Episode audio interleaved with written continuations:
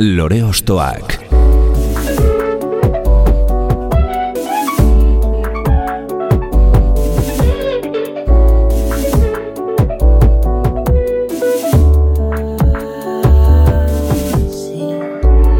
Ekain perezek aurkeztuta, gonbidatu bakoitza lore bat balitz bezala ostokatuko dugu. Jakiteko, zeintzuk diren bere lore ostoak. Haupa, zer moduz, ongi etorri, lore ostoak saiora. Gaurkoan, iparraldeko biko baten doinuetan barrena bideiatzera gonbidatu nahi zaituztegu. Ziburu eta Donibane loitzune artean sortu zen 2008an, Eta ordutik, Moa Moa Records zigiluarekin bilan kaleratu dituzte 2008ko epeak, bikoaren izena darama, eta bigarrenak berriz, itzal zikinak izenpean ikusi zuen argia 2000 eta emeretzian. Folk, pop eta elektronikaren arteko elkarbizitza islatzen du beraien musikak, esperimentazioaren, melankoliaren eta atmosfera ameslarien ustarri moduko bat osatuz. Honen guztiaren atzean dauden bi buru pentsalariak dira, gaurko gure gonbidatuan naia zubeldia, ahots eta gitararekin, eta Manu Matiz, sintetizadore eta erritmo kasekin. Beraz, oiko moduan, hauen doinuak gordetzen dituzten zirikituak ezagutzaz gain, nahiaren imaginarioa osatu duten Euskal Abestien atzetik ere ibiliko gara. Hau, lore ostoak da, eta gaurko gure lorea, lumi.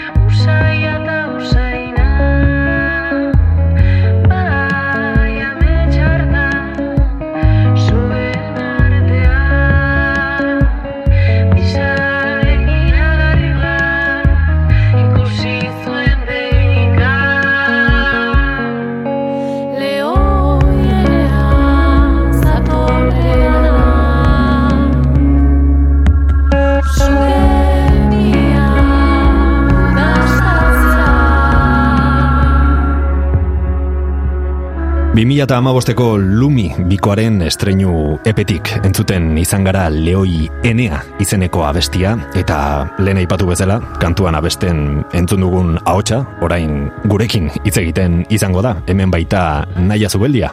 Ongi etorri. Esker. Zen moduz ondo bai bai bai ongi. Bueno, badakit galdera nahiko orokorra edo dela, baino e, zer esango zenuke dela zuretzako lumi? Ba, mehango nuke bikotea dela, euskal musika elektroniko bikotea, esperimentala edo saiatzen gira gerota gehiago esperimentatzen. Eta, hala, ziburu donibanekoa, uste dute jo hori ere garrantzitsua dela guretzat. Hala. Eta nola sortu zen proiektu edo nolatan otu zitzaizuen Manu eta Zuri elkarrekin bideoni hasiera matea? Ba, hasiera batean nik beste, beste talde bat nuen eta kontzertu bat e, ba, ja finkatu genuen. Eta mm, eta taldea desegin zen. Eta orduan bakarrik hasiera batean izan zen bakarrik ez jotzeko. E, galdetu nion ea mm, lagunduko ninduen e, Manu aspalditik ezagutzen nuen, eta urtetan Parisera joan zen eh, bizitzera, egon zen zazpi urteaz edoan, eta handik itzultzean ziburuko festetan topo egin genuen aspaldiko partez, eta tozuk ze, eta ni musika hori, eta ni ere musika elektronikoan, eta to, ze interesgarria, eta saiatuko bagina, Mhm. Eta, bo, jantzidan baiez lagunduko ninduela, soinua jartzen, eta baina hasiera batean kontzertu hori prestatzea zen bakarrik proiektua, eta azkenean em, ba, kontzertu hori biziki ongi pasatu ginuen, eta erabaki ginuen segitzea. Askotan gertatzen da hori, eh? E, agian kontzertu baterako edo prestatu eta ikusten duzu ondo doala, eta bueno, Mm, ba, jarraipena eman, ez? Bai, Modu naturalean, Bai, bai, bai. planifikatu gabe, edo... Bai, hori da, hori da ere polita izan dena. Aha. Eta entzun dugun e, Leoi Enea abestiko hitzetan, ze kontatzen diguzu edo e, zer transmititu nahi zenuen? Ba, amets, amets baten historioa da ez du, olako mezu berezirik, eh? baina Hala, pixkat egin nuen amets baten irudi hori banuen pixkat, Aha. eta mm, hola, ez da hala, beste, besterik gabe. Pintura moduko bat edo Bai, ikusitakoa ba, transmititzea, ez? Hori da. Mhm. Bigarren lanarekin alderatuta, lehen epe honetako abestien e, komposizioetan folk kutsu bat nabari daiteke oinarrian, e, horren gainetik manuk e, bere testura eta atmosferak gehitu balitu e, bezala, hau da, kantuak gitarra gainean egin eta ondoren jantzi zen dituzten edo nola komposatu zen dituzten epe honetako abestiak. Bai, justuki biziki ongi ejan duzu, ala baita eh, justuki kantu, kontzertu hortarako kantuak presnituen, eta beraz nik komposatutako kantuak ziren, gitarran, gitarra akustikoa erabiltzen nuen, gainera, elektrikoa nuen sekulan erabili, eta berak soinuak jada sortutako kantu hoiei gehitu zizkien. Orduan, ala, gero biga, ge, diskoan, disko luzean ez da ala izan, eta nabari da bai uste dut diferentzia. Beraz, lehenengo lan honetan e, kapak gehitzen joan zineten, ez? Hori bai. Mhm. E, bestalde hitzei ere garrantzi handia ematen diezu, ez? Edo, bueno, ematen diozu, kasu honetan. Bai, bai, gero hori e- ez zait bate iduritzen halako elite, f- e, poeta gaitasun handia dudan, baina bai, e, e, nola ejan, helburua ez da testu bikaina egitea, baina ez ridikuloa izatea. Hasiera batean zinez hori zenet. Lantzea behintzat ez ridikulo gelditu arte, eta gero ja bakotxak baloratzen du, bo, ridikuloarena ere azkenean oso Bai, oso subjektiboa da da. Baina, baina bai, eh, bai, bai, garrantzia ematen diez ziur. Gustoko duzu. Bai, Gaztearen prozesu bai. hori eta... Bai, bai, maite dut. Mhm. Gitarra jo eta besten duzula esan dugu, baina horrez gain efektuek ere presentzia handia dute bai zure ahotsean eta baita gitarretan ere. Efektuak berak beste instrumentu bat bilakatzen dira edo gitarra eta ahotsa mila leku ezberdinetara eraman ditzakezu horrela, ez? Bai, justuki eh, hori da, eta hortan esperimentatzen dugu gero eta gehiago eh, lumin, Eh, helburua baita nunbait eh, nola ejan nere ahotsa edo gitarra pixkat makinizatzea eta berak makinak humanizatzea pixkat ala bien arteko muga hori erojarazteko eta batzutan ez dakizu gitarra den, ahotsa den edo zer den eta hori nahiko interesgarria egiten zaigu eta bai, e, efektu hoiekin lortu duguna da edo lortu nahi duguna da justuki izan ordez nire hautsa eta gitarra eta bere geruzak gainetik izan dadila hala, nahasteko tresna lagungarria. Osotasun bat lortzeko, ez? Hori da. Beraz kontrako bidea egiten duzuen makinak e, giza bide horretara eta gizakia makina bide horretan, ez? Bai. Biak nastu eta publikoa nolabait e, konfusio horretan sartuta, ez? Bai, hori da. Bai. Aha, Ze polita. Beno, alumiren musika alde batera utziko dugu oraingoz eta mm, zure imaginario musikalaren sustraietara e, joko dugu, bideo honetan zure e, nolabait fonoteka pertsonala osatu duten euskal kantuen atzetik, zein izango da zure lehen lore ostoa naia? Eh, pentsatzen hasi naiz, eh, hala, ariketa hori proposatu zen idanean, eh, bizitza majazteko baldin bada, mm, haurtzarotik astea, eta etxean eh, aitamek oskogi asko entzuten zuten, eta beraz oskogiren kantuetako bat hautatu dut, Mar- Martin Galos, eh, bizigi bizigi maite baitut kantu hori, gero jakin nuen em, em, hitzak eh, azkenean eh, gizon bat hil zen, Martin Galos hori hil zen, eta bere emazteak um, hil zelarik omen, hileta uh, elizkizunean edo hileta zeremonia hortan edo, uh, gorpuari hola itzoiek bota omen zizkion. Eta eta ala badu ala kiston indaja niretzat testu horrek eta zinez badu zeite deja eta beste berezitasun bat hitzetan maite dudana da ere aipatzen duen em, eh, pegar bat edo hausten zutela, iduri zigitoen eh, munduan eta Bai. egiten zen alabitziren, pegar bat hautsi eta eta amak puskatan hausten bada, amak urterako engaiatzen gira elgarrekin. Ah. Eta gero ja, ja bana, bai, eh? bana gaitezke. Beraz, konpromesua horrek eh, markatzen zuen. Hori da, hori da, eta hor jaten du bost pusketan haus- hautsi zela, baina azkenean bizi osorako, gehiago zenbat urte egon zinela, zirela elgarrekin. Histo- Histo... da. Historio ederra dago beraz atzean. Bai, bai, bai, eta, eta gero melodia ere aski berezia da, baditu parte, eh, aski aberatsa iruditzen zait, eta ma- maite dut biziki kantu hori. Beraz, haurtzarora eramaten zaitu abesti honek, ez? Bai. Oskorrik orokorrean edo abesti honek Bai, konkretu. oskorrik oro- orokorrean. Enuen, ba, izan, izan ziteken pf, kasi beste edo zein kantu, zainitz, hainitzen zuten zuten etxean, eta denek ematen didate bai orako... Mhm. Nostalgia bai, puntu bat, Bai, edo. bai, bai, ja, senditzen naiz, aitamen etxean, ziburun, eh, hori entzuten, bai. Mhm. Asko entzuten zenuten musika etxean? Bai, bai, euskal, euskal musika, mm, o, o, ba, orain klasikoak diren hoiek, eh, Bai. laboa lertxundi, oskorri, eta gero frantsesak ere, ba- Brassens, Renault, eta Aha. hoiek ere, Bazuten bere lekua, bai, zuen etxean. bai, Mhm, Beraz, hortikan agian etorriko zaizu, eh, bueno, o piztuko zitzaizun musikarekiko lotura hori, edo ez? Askotan horrela izan hori da. Etxean musika entzuten Bai, bai. dugun horretan, ez? Ba, konturatu gabe, gustu hartzen joaten zara horri, ez? Eta Hori da, bai. egin nahi duzu hori. Hori da, gero kantatzen ginoen hainitz ere etxe, gure etxan asko asko kantatzen da eta Mhm. aitak eh, koro batean irakasten du ere, amak ere bere kantuak sortzen ditu eta eta bai hori bai hainitz hainitz kantatzen ginuela etxean beti bat hasten bada kantuz besteak tak bigarren boza gehituko dio beti. Ez da sekula ne hor Bai. bakarrik kantatzen egoten. Hori da, bai. Oso ondo, ba, esan bezala, hijitu alargun batek, mila bederatzen dagoita marrean bere senarraren eriotzak ondorioztatutako lamentu edo haieneak ekartzen dizkigute bertako hitzek, eta Nacho de Felipek musikatuta hartu zuen forma Martin Galos, abesti dramatikoak.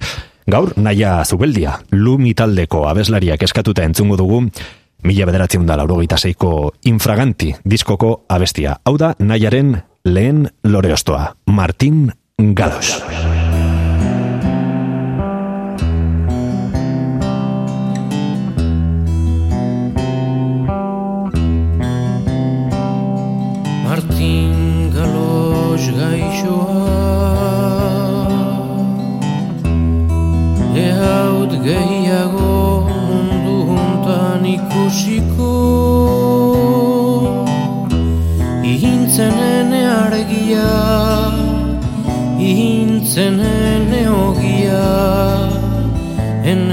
Gazna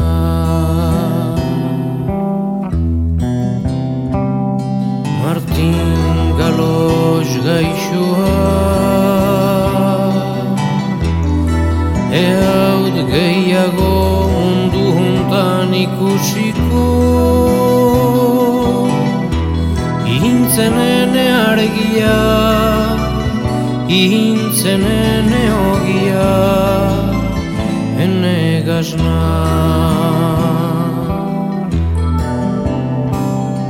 Martin horoit haiza haran beltzeko ihanean Hamasei urte doidoian ituela Hartu ninduan lepotik ilahirea izan nahi nuen. Eta ondoko igandean dupina bota zitean Ezpaitzen bos pusketan baizik hautsi Bost urteren egin genian taratu.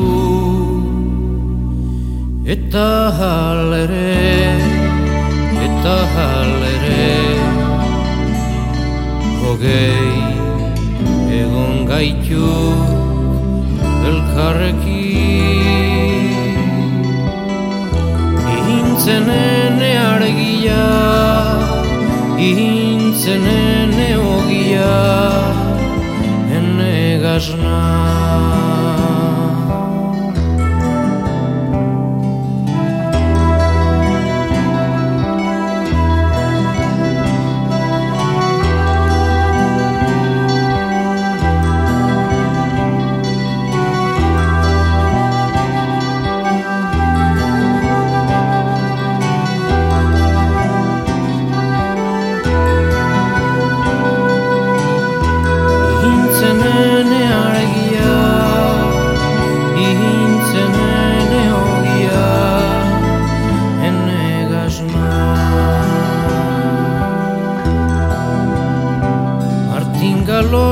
euen pareri Sasietan mizpira makila koskatzeko Ez aldi gaiztoak heltzeko.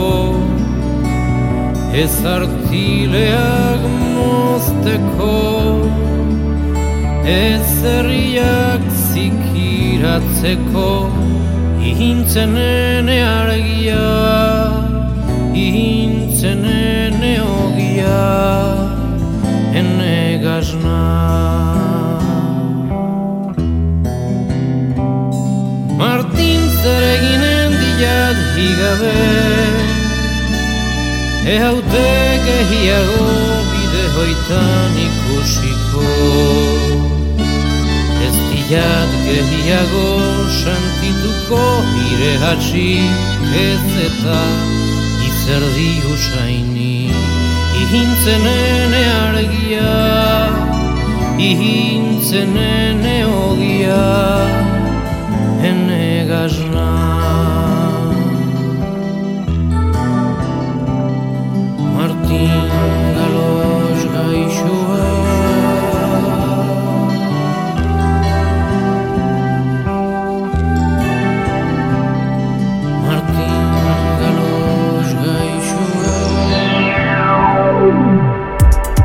Lore Ostoak.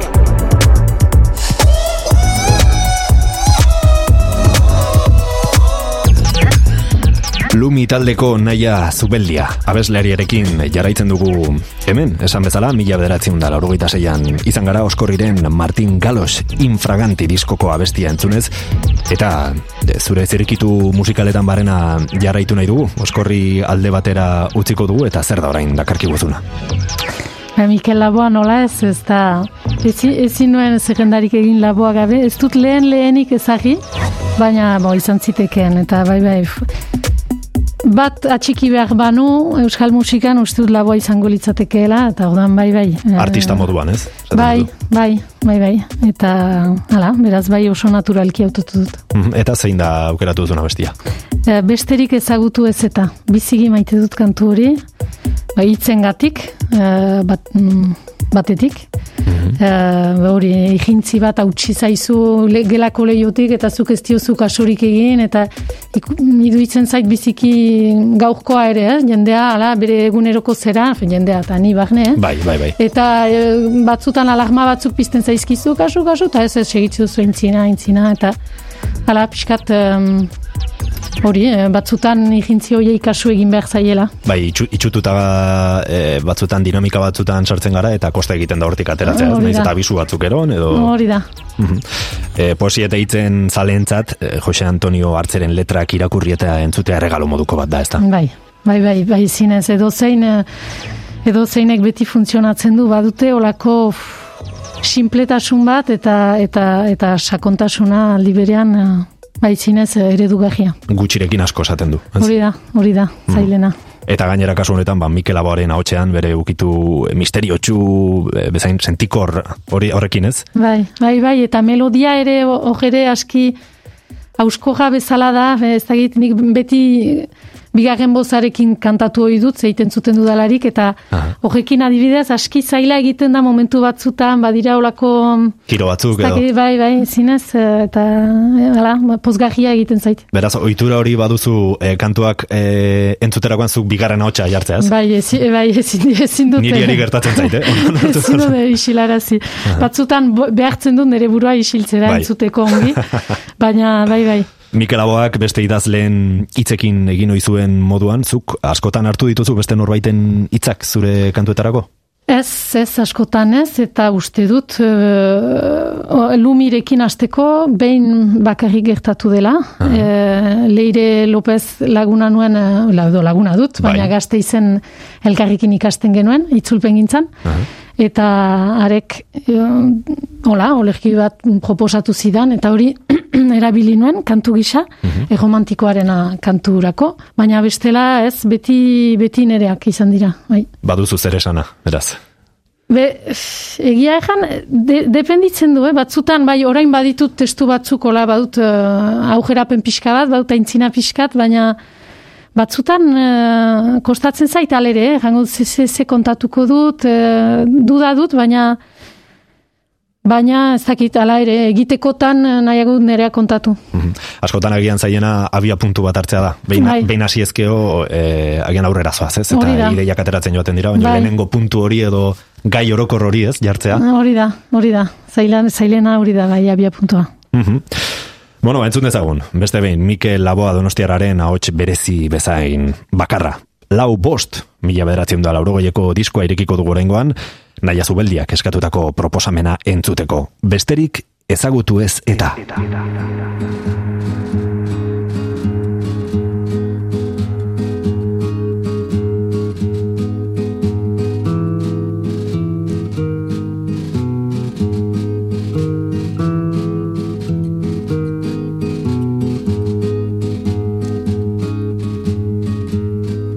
Besterik ezagutu ez eta ase Irrintzi zakar bat hautsi da zure gelako lehioan Besterik ezagutu ez eta Ezote zaudek ezkati eta zuk ez diozu kasorik egin.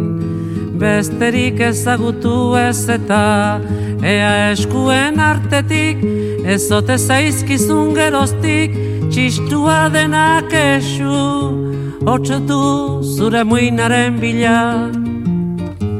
Besterik ezagutu ez eta Bizitzaren zenbait gauza eder Eskapatzen ari eta zuk Ez diozu kasorik egin. Besterik, besterik ezagutu ez eta Zabelpeko dardarozena Ez zaizula inotuko Hilko, hilko Sortu artio Hilko, hilko Sortu artio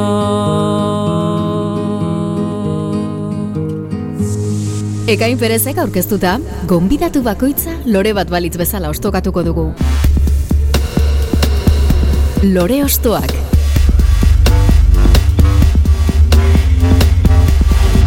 Mikel Laboaren ahotsak hartu du beste behin gure saioaren protagonismoa argi dago artista askorengan utzi zuela bere aztarna, baino gaurkoan abesti ezberdin batekin, besterik ezagutu ez eta laburrarekin izan gara hain zuzen, naia zubeldia ziburutarrak eskatuta. Lumi taldeko abeslariaren lore ostoak ezagutzen gabiltza hemen, eta horretan jarraitzeko asmoz gaude, noragoaz orain, naia. Ba, ustut, jauzi frangoa handia eginen dugula, baina... Ah, bai. Eh, dakit, aurtzarotik nera bezarora pasatzen garelarik bezala, ba, pixka kolpez izaten da, beho ere hola izan zen. Eta bo, dudan egon nintzen, eh, ala, kolegio lizeo garaian hor hama bost urtetan, eh, sutagar eta kasbat entzun nituen hainitz.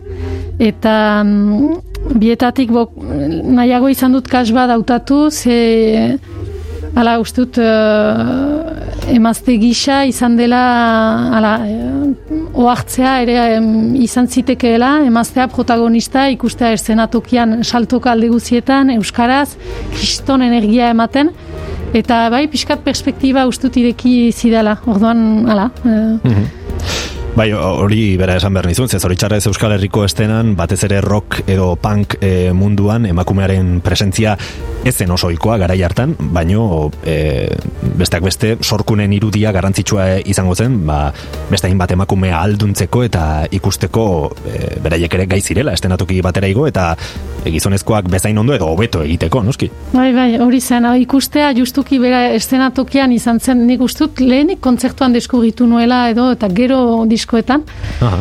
eta hori ikustea emazte horren indaja eta nola be- berak eramaten zuen ala ere taldea, Bai. eta, ba, bai, Bai, ezen kikiltzen gainean. puf, Eta, bai, ustut hori atxiki nuela nunbait gogoan. Aha, Gero bakarlari moduan ere jarraitu izan duzu, sorkun bezala, edo... Ez, ba, ez, kontzertu batzuk eman ditutola gauza bereziak zirelako, bakarriko Beto Fest edo olako mm, proiektuetan bakarlari iz- izan behar zelako, baina be- bestela beti nahiago dut talde, talde afera, bikotea gutxienez. Eta eh, agian hau izango zen beraz en, euskal musikari dagokionez zure rokarekin eh, lehen kontaktua, hau eta sutagarrekin? bai, sutagar izango zen lehena, Sutagar lehenik. eta, eta gero hori, bai, bai, bai, sutagar ere hainitza hainitza entzun dute. Baino denak ez dira sartzen saioan. Hori da, hori da, zaila izan da, eh? izan banituen amabi bat edo lehenik Bai, eta... kriba egiten joan behar izan hori da, hori da. Artaldearen atzetik juten ez banaiz, ero arduragabetu bat naizela diozue. Letrak esaten duenaren arira, batzuetan ze zaila den norbera izatea ez? Bai, hori da, be, hortarako pixkat lotura iteko aintzineko kantuarekin, eh, egintzi horri Hori kasu egin behar zaio. Hori da. Bestela, bestela, bai, e- egesena hartaldeari segitzea da, eta behaz, eh, bai, ez da, ez da egesena beti ez, norbera izatea, baina, Bai. merezi duen bakarran ikuste. Ez korronte orokorraren atzetik, e, bestela zurrumbilo batek garrapatuko bazintu bezala nahi gabean bide hori hartzea ez? Hori da. Beti ere e, kritika puntu hori izan, eta bueno, e, Bai. zutan sinistea ez? Hori da, bai. Bale, ba, bagoaz, mila bederatzen da laurogeita amaseiraino. Kas bat taldearen estreinu diskoa ireki eta sorkun gazte baten ahotsa entzungo dugu, naia zubeldiaren urrengo aukeraketarekin. Hau da, ni izateko. Kas bat.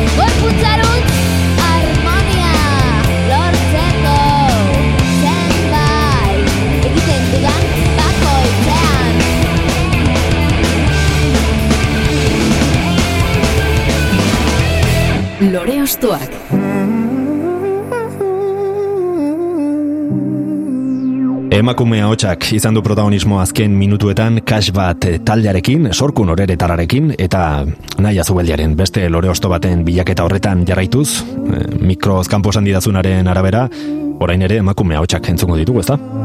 Bai, hori da, e, erabaki dut, edo hautatu dut e, saioa taldea entzunaraztea.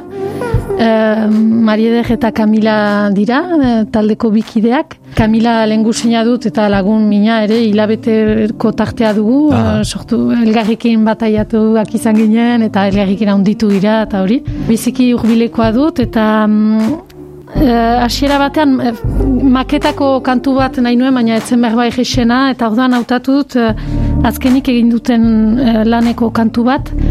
Um, Jafa, eh, Willis Drummondeko eh, ja, em, gitarrista izan zen Jafa eh, argazkitan ere ari da, eta orduan argazki lariari eman zioten borobila gaia, berak argazki pila bat hartu zituen, edo atxeman zituen bere artxiboetan, eta eta eh, hartu zituzten, behaz, ez gehiago itamak bat, edo ez da bat argazki, igorri zizkiguten, urbileko ide- idazle edo mm, kantuak idazten dituzten batzuei, Aha. eta mm, hautatu behar genuen argazkietako bat, eta hortik abiatuta testu bat idatzi, bidali haiei, eta haiek testu hoiekin egin zituzten kantuak, eta diskoa hola osatu zuten, eta biziki proiektu polita iruditu Aha. zitzaidan. Eta bo, hautatu nik idatzi dudana, hola, pixkat keinu bat egiteko, baina Bai. mm, hala, proiektu edera izan zen, eta gero eh, kontzertua mm, aurkezpen kontzertu bat egin zuten, eh, pribatua, eh, etxe, etxe batean, argazki erakusketa eta kontzertua, eta biziki momentu polita izan zen. Aha, ariketa polita beraz Bai. eta berezia, ez? Bai, bai. Aha. Zein da e, abestiaren titulua? Eh, itxasotik heldu nintzen. Mhm, Eta esan duzu zuk idatzi duzula beraz, honen letra. Bai. Bado zerbait konkretua kontatzen diguzu bertan, edo... E, bai, o, etorkin baten e, historioa da, nik hautatu nuen argazkia zen e, ikusten ziren em, lasto em, lasto meta borobiloiek hor ikusten direnak Bai. e, pentseetan, eta hoien aintzinean lehen planoan komuneko paper e, zer bat, borobil bat, gor, e, ka, imit, imitat, imitatuko balitu Bai. bezala.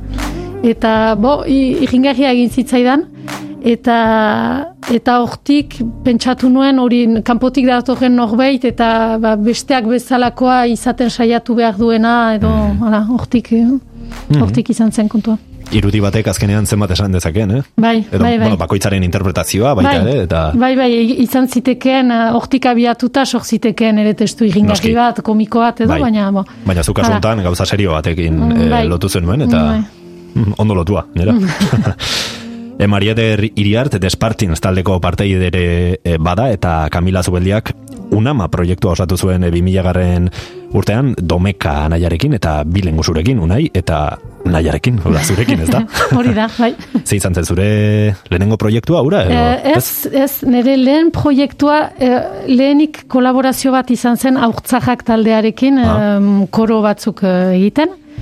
Gero eh, lehen taldea metal taldea izan zen, Ah, bai, izeneko taldea, ba, hor ere kantari, baina ge- gehiago koro alere mm, jolean. Aha, Experimentatzen Eta hori da, experimentatzen. Eta gero 2000 garrenean hori bai, unama, ala, le, um, nola ejan, egiazko tokia hartu nuen lehen proiektua izan zen bai. Aha. Hor ja eh, front woman bezala edo eh, Bai, bo, la, lau gira, la, lauak maila berean, Ah, bale, ez da polifonia da hainitz, beraz ez da neo jaintzinean edo kantu batean izango da bat, urrengoan bestea, baina ez da, hala, eta bai, hori, bo, nola ejan, proiektu egesa izan da. Familian kantatzen genuen ez, ba, hor, hala, batek, bat asten delarik besteak badaki bere hau kokatu, eta mutikoek eh, instrumentu frango jotze dituzte, ordan hoiekin gero pixka tapaindu, eta... Mhm. Bai, ondo ezagutzen zenuten elkar eta hor arazurik ez egongo, ez? Hautsak enpastatzeko eta jada. Ensaio horiek eginak zen dituzten, ez da? Bai, hori da, bai, bai, zinez, hala, eh, badu noski toki berezia eh, bihotzean talde horrek. Mhm. Beno, bai, iparraldean egingo dugu urrengo geltokia, beraz, eh, saioa bikoaren iru amalau, 2018ko diskotik hartuko dugun abesti batekin. Folk doinuen txanda da orain, naia zubeldiak berak idatzitako hitzetan barrena bideiatuz, itxasotik heldu nintzen izeneko abestia entzungo baitu. Sone horren zau hartuko. Sone horken hau ikusiko. Borobiletan zirkulo Eltze artean lapiko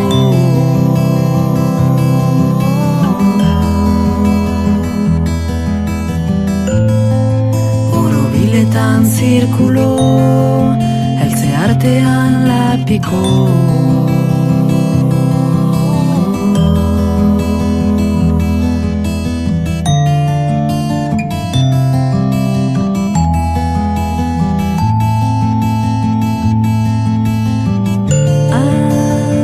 Haene sorterri maitea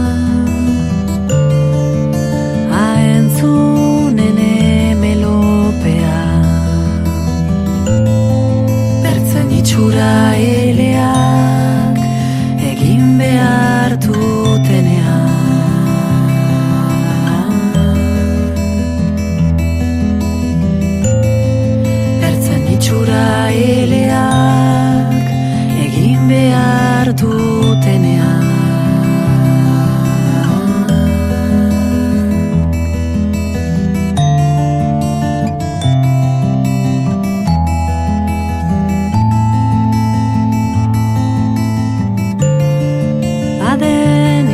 basotik heldu nintzen.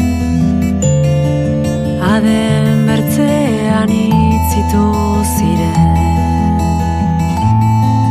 Playetako ura urten Kiratsa izanen da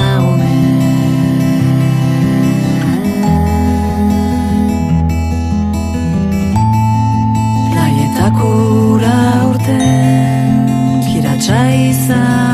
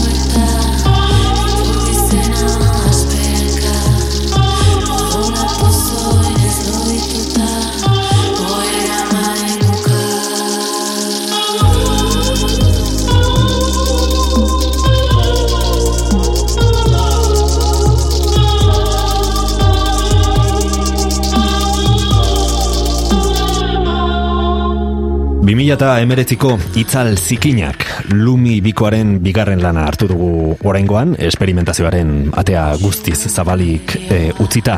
Eunda larogeita bederatzi gela izena du kantu honek eta e, galdetu behar dizun daia nondik dator? Izen hau.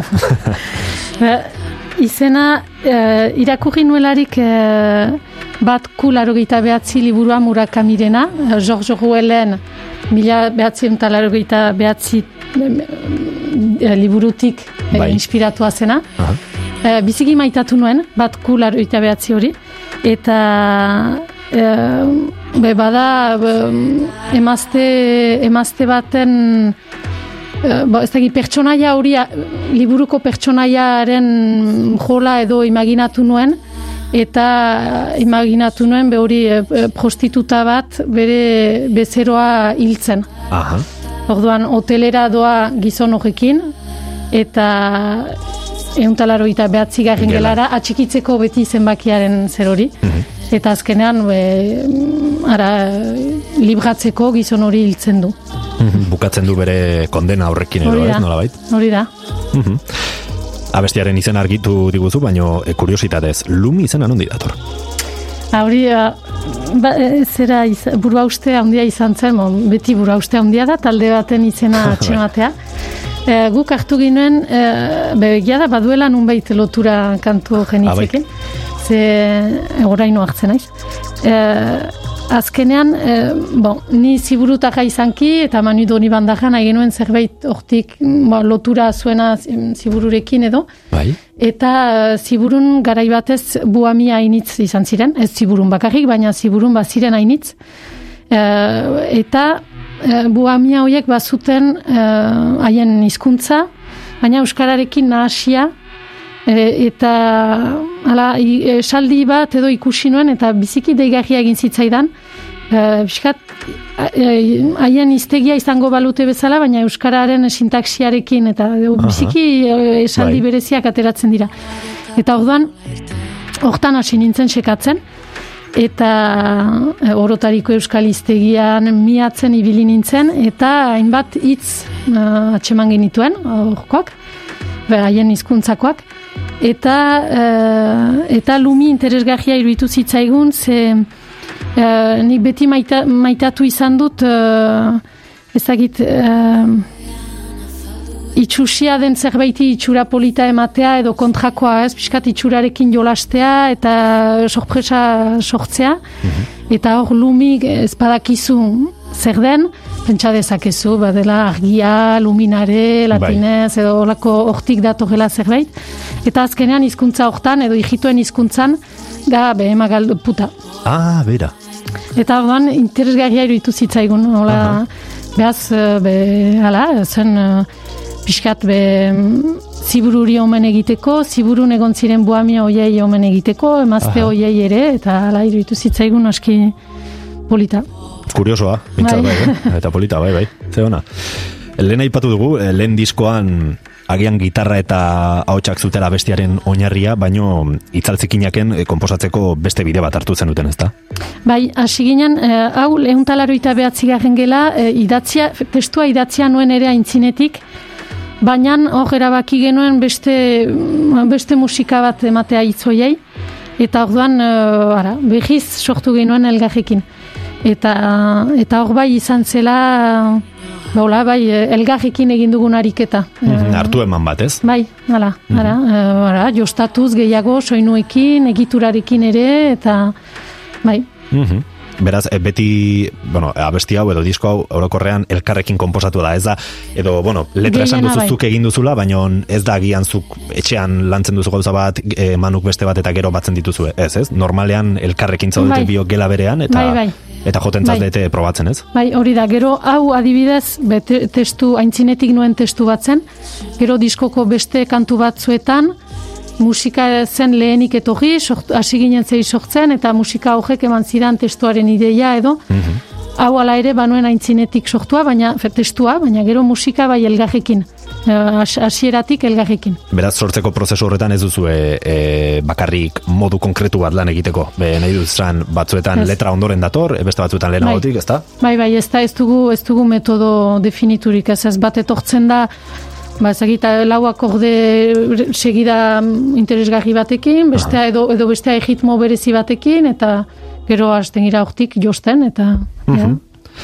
Radiohead edo Tom Yorken e, kutsua e, nabaritzen diot, abestiaren erritmo irregular eta atmosferetan, ez ait gustuko duzuten referentzia hori bai, edo. bai, bai, biziki. Bai, ez? Ba, bai, badu kutsu bat horrela eta, bueno, niretzako piropo bada, eh? Radiohead asko gustatzen zein diri konkretuki eta bai badu hola ambiente hori, ez? Bai, bai, Mhm. bai, bai, bai, eta non grabatu zenuten diskoa? Etxean, Etxean bertan? bai, etxean bertan. Eta zuek grabatua da? Bai, bai, bai, guk Ah, grabatua bai, da, bai, bai, eh, bai. Azkenean, efektuek eta ere gesten dutena da, azkenean ahots eh, hutsak ez duela, fe, nola egan ez duzu mikro berezi Bai. beharrik ere, ze gero gisa guziz efektuetan eta Bai, ez duzu da. gertutasun hori erakutsi beharrik ez da. Ez? Eta, eta gero be, manuk kontrolatzen du ongi, e, ni aste naiz pixka jakita, baina Aha. berak ongi kontrolatzen du, eta bai, elgarrikin egin genuen etxean, eta gero aldiz e, nahasketarako izan genuen e, Johannes Buffen laguntza. Aha.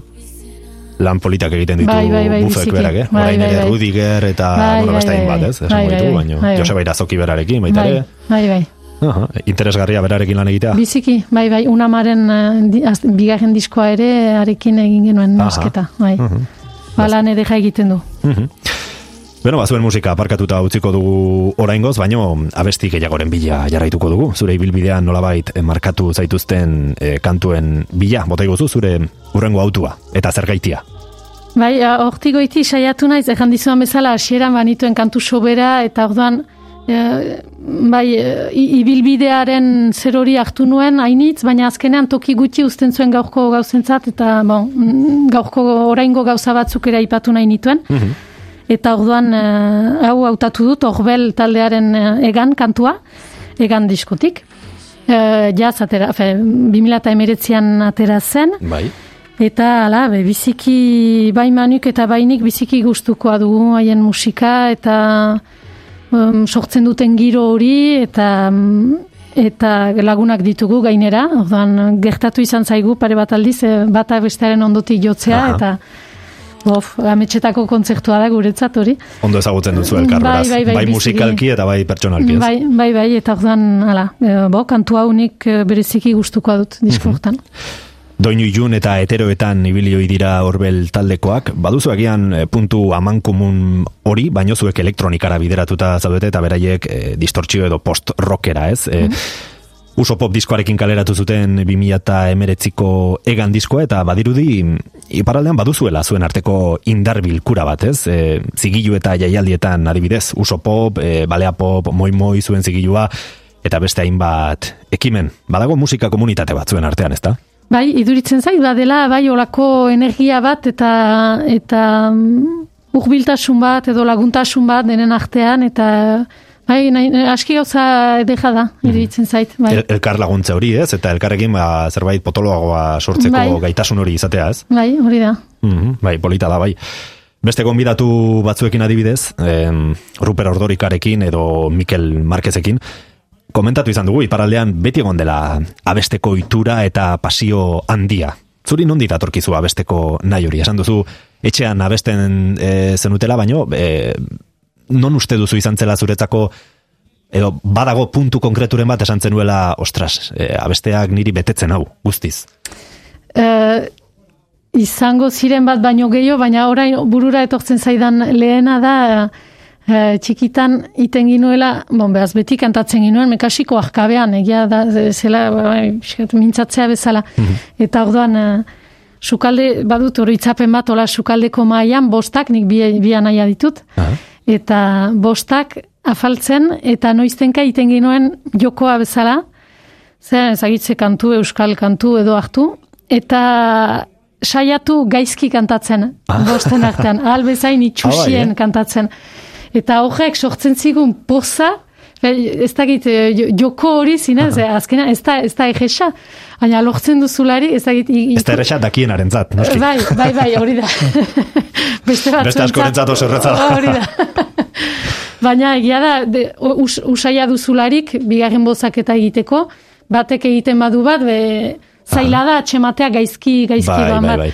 Eta lortzen ginoelarik olako kakofonia hori, badut oroitzapen hori bostak elgarri begira eta begiak dira nola, eta bai, usteut, hori izan dela, nunbait, eh, erakust, ulertu nuela bai kantuak ze garrantzia zuen, nola lotzen gintuen, elgarren zuteak ere ze garrantzia duen, eta baita ere ez, e, poza edo emozioa ez dela bakarrik edertasunetik e, heldu. Batzutan txekatuz ere, be, gauza itxusi batek edo gauza zikin batek ere sor dezakela zigara. Mhm, Kasu horretan sortzen zuen bezala zuregan, ez? Bai, bai, bai. Mhm.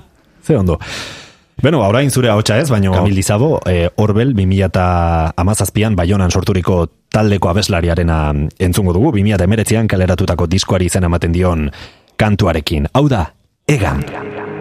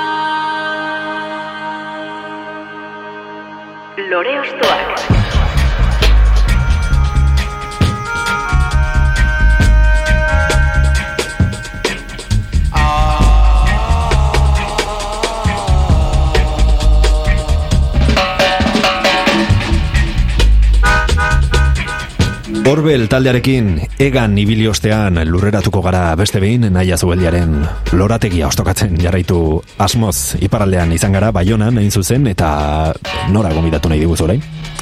Be, pelas eh, taldea entzunaraztea erabaki dut. Aha. Piskat, uh, lehengo munduaren uh, omenez edo, ze az, eh, be, um, koronavirusaren kakauri asiaintzin, uh, bai, azken kontzertuetako bat izan zen, uh, Ah, bai. pelasekin jogin nuen uh, seguran, eta eta bon, jadanik ala, eh, oroitzea pixka be, bero egiten zuela, jende pixka bazela, jendea pozik eta urbil eta hori.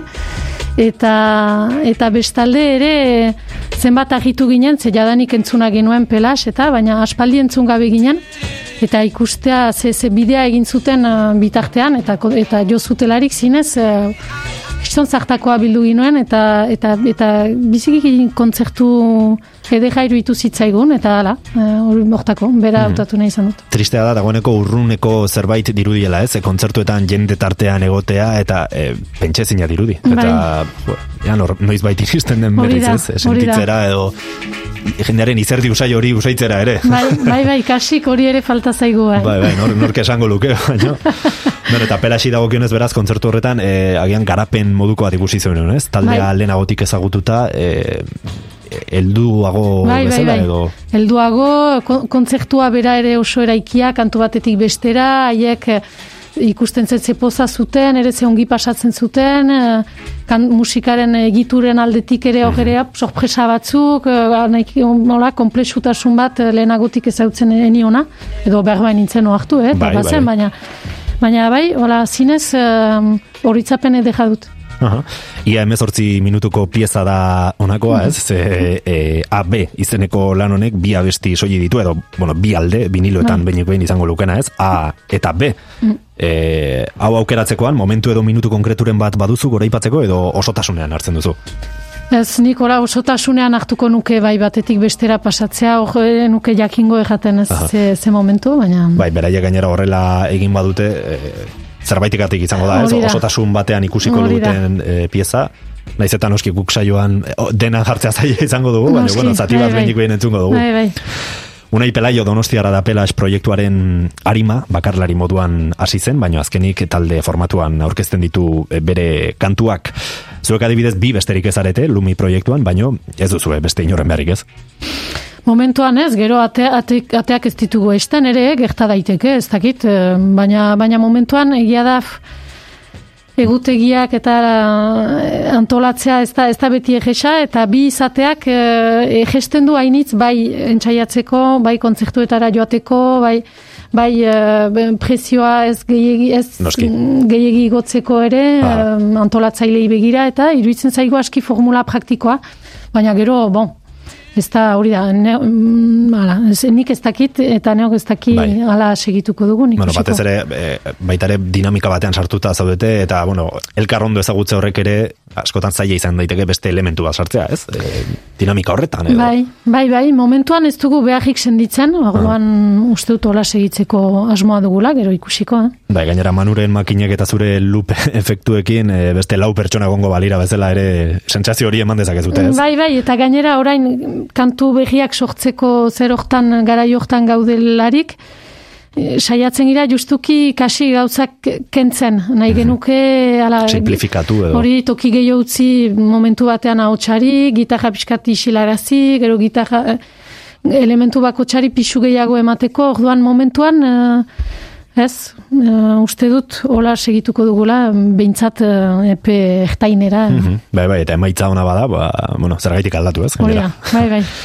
Beno, ba, bagoaz, unai Pelaio Donostiararen e, Pelas proiektuarekin 2019an kaleratutako AB diskoa ireki, eta bertatik hartuko dugu B izeneko pieza. Hau da, naia zubeldia, lumi taldeko abeslariaren urrengo loreostoa.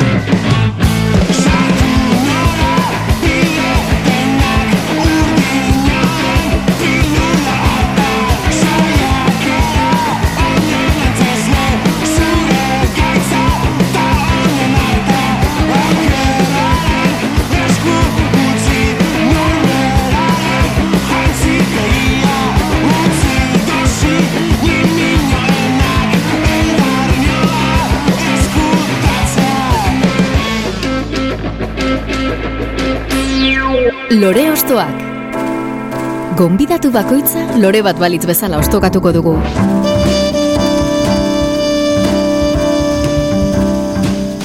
Pelasekin B piezaren pasarte bat, entzun ostean naia zubeldiaren fonotekan barrena. Jarraitu nahi dugu, esan bezala, beretzako nolabait esanguratsuak izan diren euskal abestietan barrena. Lehen aipatu dugu iparraldean badela abesteko ohitura sutsua betitanik, eta horren adibide da horrengo zure proposamena ez da? Bai, bai, e, behibideko andere xuriak taldea proposatzen dizuet. E, mendiak bete belajez, kantua da. E, boiek ere ezagutzen ditut, e, izan egon nintzen e, be, hiru urtez edo e, haien beheko pisuan bizi izan nintzen, Ah, eta bai? haiek alokatzen zidaten gainera pisua. Ah. Eta fen, taldeko bi, eh, bikotea baitira, pantxix eta magi. Eta, eta hala, haiek eh, hainitz, nien nintzen oso garai honean, errango dut, eh, eta haiek eh, entzun ditut hainitz kantatzen, musika jotzen, eta zinez eh, tokia handia du musikak eien, eien denboran eta haien bizian. Eta hala, um, gehien gehienetan kantu zaharrak hartzen dituzte eta haien modura antolatzen. Eta eta hau kantu hau iduitzen zait bereziki ongi lortua dela zinez eh, emozio edeja sortzen dit eta Zer abesti da? e, mendiak bete belagez. Hala, e, aski behiki atera dute, jaz atera zuten, 2008an, eta hala, igorri zidaten esteka, begiratu nuen bideoa, eta fuf, zinez, edera iruditu zitzaidan, eta hala, gu ere egira e, jaz, edo bai, ez, 2008an zen, jadanik, eh, uste dut. Usopop eh, gelditu baitzen, Usopopen ordez antolatu nahi zuten eh, mapa galduak proiektua. Eta hortarako eh, Usopop zigiluarekin argitaratu zuten taldeetako kide batzuk eh, deitu zituzten, elgartze, elkartzera eta elgarrekin kontzertu bat prestatzera. Eta orduan, eh, unama, unamak um, Usopopekoekin atera genuenez, diskoa, Eh, ni, jo, ni proiektuaren barne atera nintzen, eta fe, ni, de, denei egin, egin ziguten proposamena, eh, baina ni sartu nintzen, horbelekoak, eta um, peio ejamuzpe, poligornekoa eta beste talde batzuetakoa, eta mm, orain bakarrik ari da ere, peio ejamuzpe. Eta geroztik azkenean segitu dugu, eh, beraz elgar ikusten dugu eh, Anneliz eta Kami horbelekoak, eh, peio, ni eta eh, Xabi ere, peioren lengusua dena, biolin jolea anarirekin ari da, Bai. bai. orain, amila proiektutan ari da.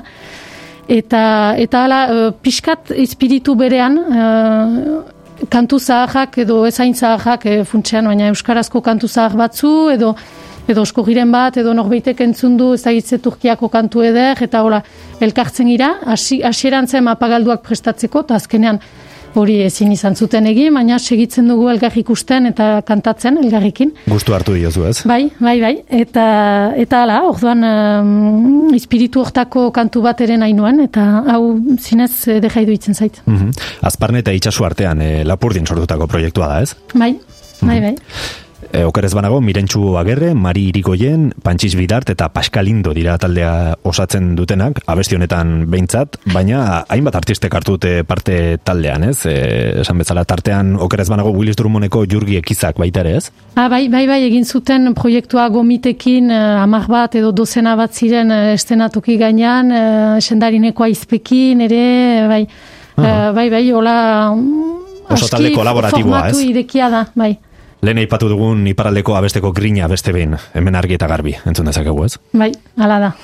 Mhm. Beno, ba, besterik gabe entzun dezakegu. E, BBA isa, behi bideko andere xuriak, taldearen e, mendiak bete belarrez. Tema, ez dakit nola esaten den diskoaren izena, tema maztangt, edo... zerbait- Tutzuk baino informazio Ez, gehiago. ez, hortan. izen nahiko arraroa da, pero bueno, tema maztangt, edo horrela, horrela, bai. horrelako zerbait da eh, diskoaren titula, beraz, entzungo dugu 2008ko disko honetatik naia zubeldiaren urrengo loreostoa mendiak bete belarrez, beibideko andere xuriak. Mendiak bete belarrez Begitartiak nigarrez Lan egin azurriki dut, bainan probetxurik anez. Orain hemen nagozu, sabetik nire.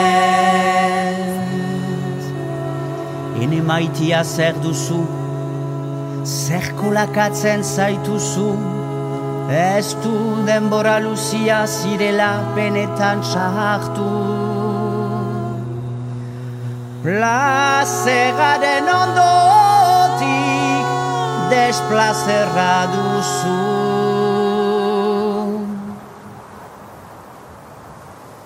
Ogiak dire burutu, artoak ere jorratu, primaderan egin lana, udazkenera gertu. Ene maite nioari, gerria loditu.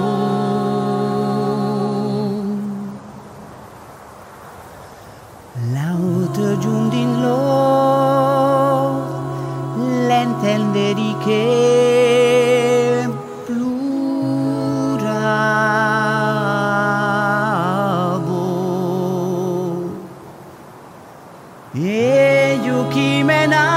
n'ha presabi li digerien suspirant atau en las buenas ilhas que se nidan aus galan.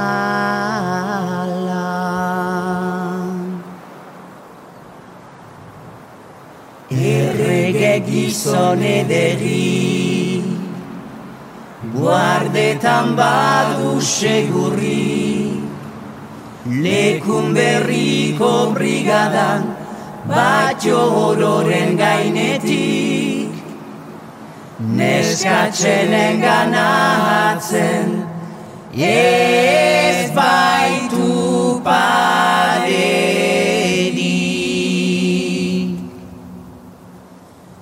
Mendian ederrak bola Luze hosto txulerdeena Zuzira de mundu huntan Nik maitatzen zaitu dana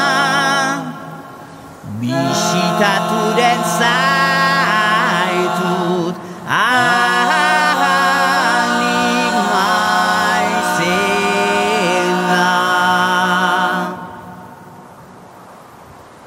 Lekun berriko neskatsa, zuberoara banoa, zuberoako kolombak, deitzen baina bere gana hautatu behar dela zuzenez lehena.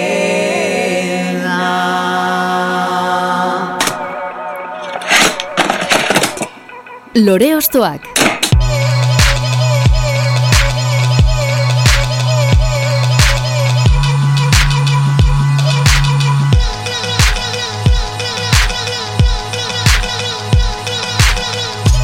Naia zubeldiarekin jarraitzen dugu gaurko lore ostoak saioan, bera pixkanaka pixkanaka mm, ostokatzen. Azkenik, behi bideko andere xuriak taldearen mendiak bete belarrez kantua entzun dugu, beraien 2008ko diskotik, azparnen lapurdin izan gara, eta bueno, itxasun baita ere, e, kantu horrekin, eta aurrera jarraituko dugu, naia, orain zerekin jarraituko dugu. Bai, bukatzeko nahi nuen ere beste gauza, oraingo gauza behi bat, eta amoranteren azken, azken diskoak e, behara, unkitu nau e, gustukoa izan dut, eta e, lehen kantua hautatu dut, kondor. E, ama hilzait kantuaren bertsioa ere biziki, biziki maitatu dut, diskoa hortan dagoena. Eta, mm, ala, ba, lan interesgarria egiten du beti, eh? eta orduan pixkat be, ez dakit aski urbilekoa sentitzen dut uh, lumiren aski urbil espirituan edo behintzat ideian esperimentatzen soinuak sekatzen, ahotsari tokia utziz baina gaurko tresnak ere baliatuz, eta Hala, uh, iduitzu zait bukatzeko manera polita izan zitekeela. Bai, naiz eta bakoitzak bere ezberdintasunak izan, e, agian filosofia antzekoa duzu, ez? Esperimentazioaren puntu horretan, tresnak erabili, e, beti zerbait berriaren bila joateko behar hori, ez? Bai, hori da, gero ez dugu elkar ezautzen, ez dakit berak eh, berdin ikusiko luken, baina baina hala iduitzen zait, bai, desmartxa edo ideia behintzat eh, hala aski parekoa dela. Mhm. Kuriosoa da, irakurri dudanez, e, bueno, Rodrigo Amorante, e, musikari brasildararen, eta Enrique Morente, kantaor flamenkoaren izenen arteko nasketatik osatu omen zuen Amorante izena, eta, bueno, mortikan zeskaintza berezia lortu duenez, Ah, bai, e, izen bai, horretatik. bai, polita da. Aha. Potentea da baita ere, behin eta berriz errepikatzen duen esaldi hori, ez? E, bat buru gainera erori zait. Bai, Ambiente berezia sortzen du bertan. Bai, ez? ho- hori da, horregatik hautatu dut hau. Ez- Esaldi horrek, eh, ez dakit, esaldi hori sartu zaitzinez. Bai. Maite dut, bai, eh, Bai, irudikatzen duzu imagin hori ez, e, lehen esaten genuen imagin batek zenbat esan dezaken, kasu Bai. honetan hitzekin zuk imagin bat sortzen duzu buruan, ez? Bai. Eta, jo, da imagin oso potentea, Bai, hori bai, bai. irudikatzea, ez? Bai, bai, ez dakit, be, hori da polita justuki ere te, testuet, testuetan, ez dakizularik susen ze nahi duen, eta orduan zuk egin dezakezu zure filma... hala, Interpretazio hori, Hori ez? da, hori da, beraz, eh, bai, bai, baina egia da, eta gainera behin eta berriz errepikatzen du, eta ematen dio olako Bai. pixu bat, baina bai, bai, ma- maite dut. Mhm, Bai, ez da bestian e, pasatzen azkar, ez, e, insistitzen Ez, ez. du hor, Bai, eta bai. azkenean behartzen zaitu nolabait Bai, hori bai. irudikatzera, ez? Hori da. Beste hainbat instrumenturekin batera trompeta jotzen du, e, abesteaz gain, eta beste proiektuetan ere ikusi izan dugu kolaboratzen. Zuk gitarraz aparte beste instrumenturen bat jotzen duzu? Ez, izan nuen uh, trikitixaren garaia izan nuen Ah, bai. gaztetan, baina orain denuke jakingo jotzen ez ez. Eta ez ez, ez, egia, egia egan, pianoan badakit notak nun dire, baina Mhm. ez dakit jotzen ez ez, gitarra bakarrik. Eta gitarra betidanik jotzen duzu edo noiz hasi zinen berarekin jolasean? Ez, gitarra ere, egia egan, ez dut baten ere burua gitarrista tzat eh, jotzen? Eh, fakultatean hasi nintzen, eta ez dut sekula kurtsorik hartu, ez da, beraz... eh, Autodidakta zara. Bai, autodidakta junt, eta niretzat as, gitarran hasi nintzelarik, gitarraren helburua beti izan zen uh, ahotsa laguntzea. Ez, ez, naiz hasiko kantatzen nola, ez? Bai, orduan, bai, bai. Piskat laguntzeko. Eta, bon, gero lumirekin, gitarra elektrikoarekin, efektuekin, eta, ja, zakit nereago egiten zait, e, hala, jostagarriago, eta atxematen dizkiot olako sarma berri batzuk. Baina, baina bestela, bai, e, niretzat ahotsa izan da beti oinagia, ere. Eta efektuekin eta nolabait sortu duzu zure mundu propio hori ez? Eta ahotsa mundu horren protagonista agian izango balitz bezala ez? Bai, bai, bai, ala da, eh, bai, bai, bai, bai, nere, nere mundua beste ikezin du izan, ze ni naiz. Zuk egina ez, noski. Hori da, baina gero, bai, bai, ez, zaila zait neri hori aipatzea ez dakit, Aha. bagnetik zaila da. Beno, orain, sar gaitezen, Iban Urizar elgoi bartararen e, munduan, amorante moduan aurkeztu du bere aurpegi artistikoa, eta 2008ko bat edo hiru diskoan, abesti hau entzun daiteke, naia zubeldiak aukeratu duena, Kondor. Doinurik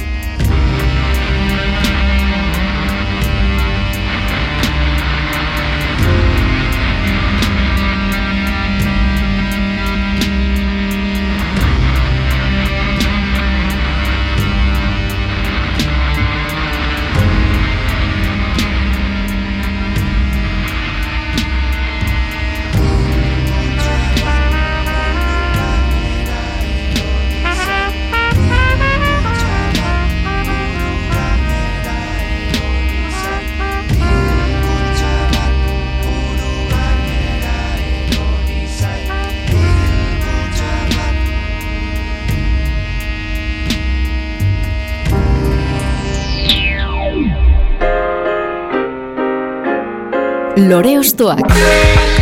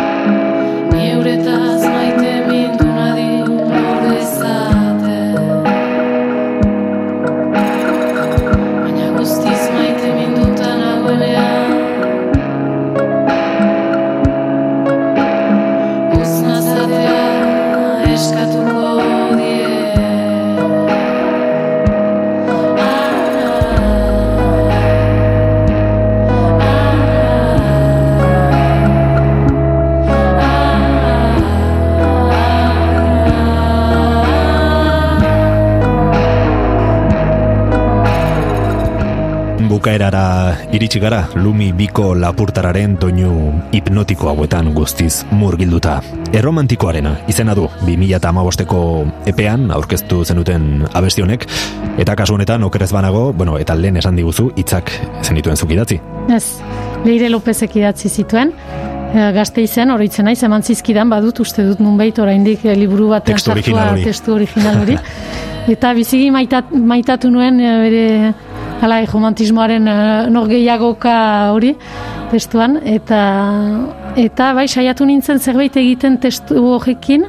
Eta azkenean hori da uste dut e, Manurekin biok elgarrekin sortu dugun lehen kantua. Hori esan behar nizun, ze e, bai da, bueno, lehen, e, zuen lehen epeko abestia da, aipatu dugu hor gitarratikan sortutako abestiak zirela, baina abesti honetan bai nabari da, bueno, hasieratikan ja, ez? E, nola dagoen elektronika puntu hori, ba, oinarritzat, ez? Bai, Beraz, azkenan egitura bat da, beti, beti, beti, beti etortzen den alauak orde dira, eta beti, beti, beti, beti, beti, beti etortzen dira, eta hori oso musika elektronikoko Bai. zera da. Eta orduan berari, manuri jokoa ematen dio, tokia ematen dio jokorako, biskat, eh, soinuak eh, garatzeko, zikintzeko, eh, handiarazteko, eta eta bai, hori izan zen gure lehen ala, sorkuntza, biona. Polita da ere, bueno, abesti entzuten ari ginen bitartean komentatu dizut, eh, nola erdi errezitatu, erdi abesten duzunez, e, bere berezitasuna baten dio abesti honi. Bai, Pertsonalitate propio hori, ez? Bai, be, uste dut, azkenean, e, ez dakit, orain ez dut, enaiz argi-argi oroitzen, baina uste dut, nahiko testu luzea denez, Aha.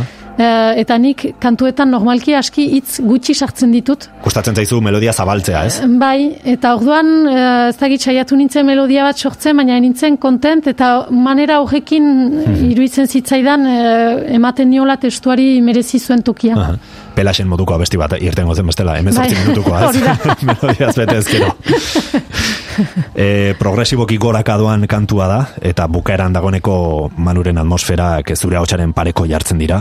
E, askotan pentsatzen dut, zaila izango dela baita ere gauza bakoitzari bere lekua bilatzea, ez? E, elementuak aukeratu, batzuk alde batera utzi, nola eramaten duzue prozesu hori? E, oso perfekzionista zarete edo... Bai, bai, bai, uste dut uh, horregatik atera ditugu hain gauza gutxi, ez? Ze Azkenean zaila da justuki uh, bere tresna elektronikoekin eta uh, eta efektuekin ere azkenean beti aldi guziz badu zerbait aldatzen da beti eta gainera gure bikotearen prozesua aski luzea izan da. Nik ni pasatu nintzen gitarra akustikotik elektrikora efektu behiak banaka sartzen joan ziren gero ahotsarenak eta aldi oro gauza behi bat tresna behi bat edo sartzen zelarik jaten genuen, "Uf, hau, hau asko zobe hobe da aintzinekoa baino, behaz, aintz- beste kantua horrekin egin genuen, o- o behiz grabatu behar dugu honekin. Ah, hori etxean grabatzearen eh, alde txarra Bai. ere izan daiteke. Ona eta txarra aldi Ona eta txarra hori da, ze zaila da, azken finean egatea bore. Aski, orain ja, aski, hortan, hortan uzten dugu, eta beraz, em, bai, egia da, askotan izaten dela lehenik gauza initz, eta, eta bukaera aldean gauza batzuk kentzea. Aha. Lehenik, eh, em, eta manuren uh, idazteko, fem, ko- sortzeko maneran ere hainitzola da, hau da, eh, be ustut elektronikatik heldu dela, hori Bai. ere.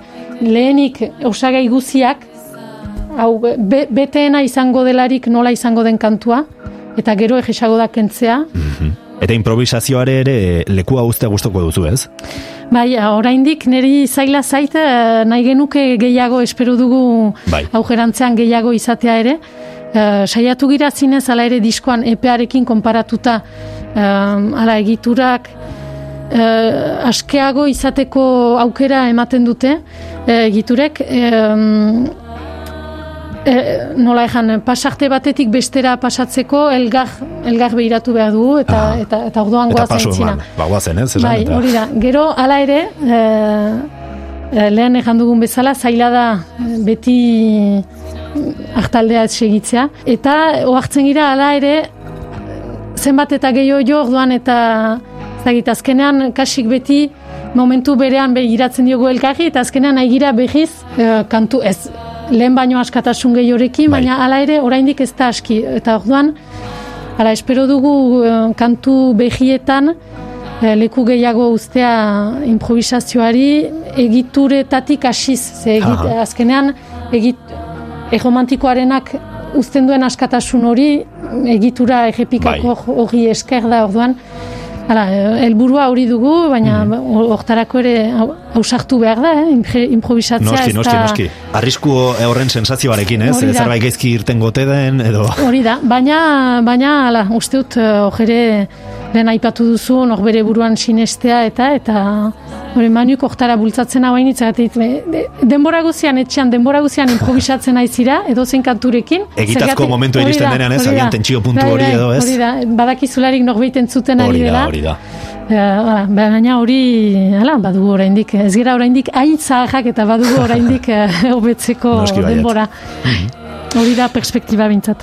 Oso ondo. Beno, ba, naia zubelia, agur esan behar dizut. Plazer handi bat izan da e, hemen lore ostoak saioan lumi zurekin ostokatzea, eta zure abestietan barena bidaia hau egitera. Gustura egin duzu ariketa? Bai, biziki. Mhm. Zaila agian kantuen hautaketa hori, ez? Ba, bueno. hautatzea zaila zen, baina gero ba, gustukoa izan da, eta ez da beti ala, elkarrizketen ariketa ere oso berezia da, eta ez ez, hau atsegin aintzait. Mhm. Beno, ba, mi esker, etortzeagatik, e, besarkada bat hemendik Manu Matiz, e, beste parteideari ere, eta zuen musika gehiagoren zai jarraituko dugu guk. Zorte ona opa dizut. Bai, mil esker. Eta zuri entzule, mila mi esker beste behin gurekin izatearen, lumiren erromantikoarena entzunez, bagoaz, ondo izan, eta urren arte.